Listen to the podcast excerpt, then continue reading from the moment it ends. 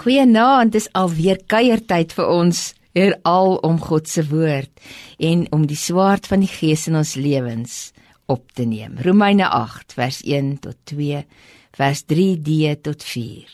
Vir hulle wat in Christus Jesus is, is die oordeel nou heeltemal weggeneem.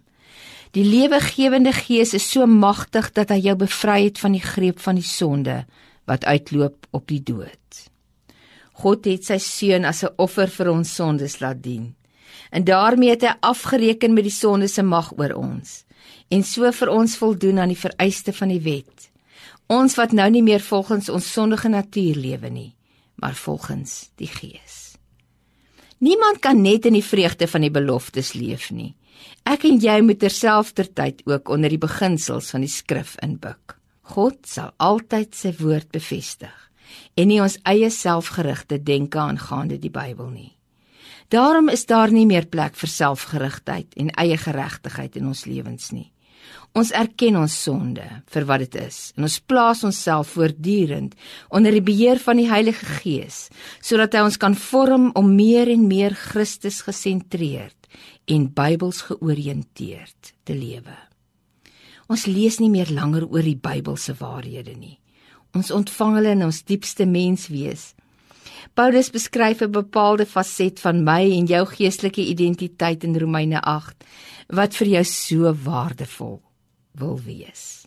Ontvang vandag hierdie skrifgedeelte as 'n lewende werklikheid en spreek dit daagliks oor jou lewe uit. Dit is wie God se woord sê dat jy is. Word hierdie waarheid. In Christus is die oordeel oor jou lewe weggeneem. Die lewegewende Gees van God het die mag van die sonde oor jou gebreek. Christus was die offer vir jou sonde. Hy het met die mag van die sonde oor jou lewe afgereken. Jy leef nie meer volgens jou sondige natuur nie. Jy lewe nou deur die Gees. Ja 1 Johannes 5 vers 14 tot 15 sê dit is die vrymoedigheid wat ons voor God het. Dat wat ons ook al volgens sy wil vra en na ons luister.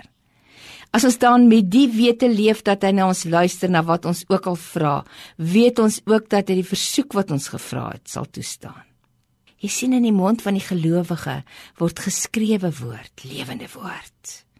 Die woorde van die Bybel wat 'n geloof ontvang en uitgespreek word, bring God se oorspronklike bedoeling daarmee tot stand.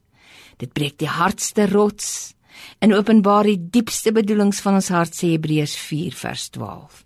Dis skepend, kragtig, ewig waar. Dit is deur God self geïnspireer. 2 Timoteus 3:16. Moet jou ook nie laat mislei om te dink dat die geskrewe woord die swaard van die gees is as jy net met die Bybel op jou bedkassie leef of hom op jou bors neersit as jy saans gaan slaap. Nie nee. Dis eers wanneer die geskrewe woord lewend word binne in jou en jy dit in geloof as waarheid begin bely dat dit die swaard van die gees word waarmee elke aanval van die bose kan afweer. Efesiërs 6 vers 17 Amen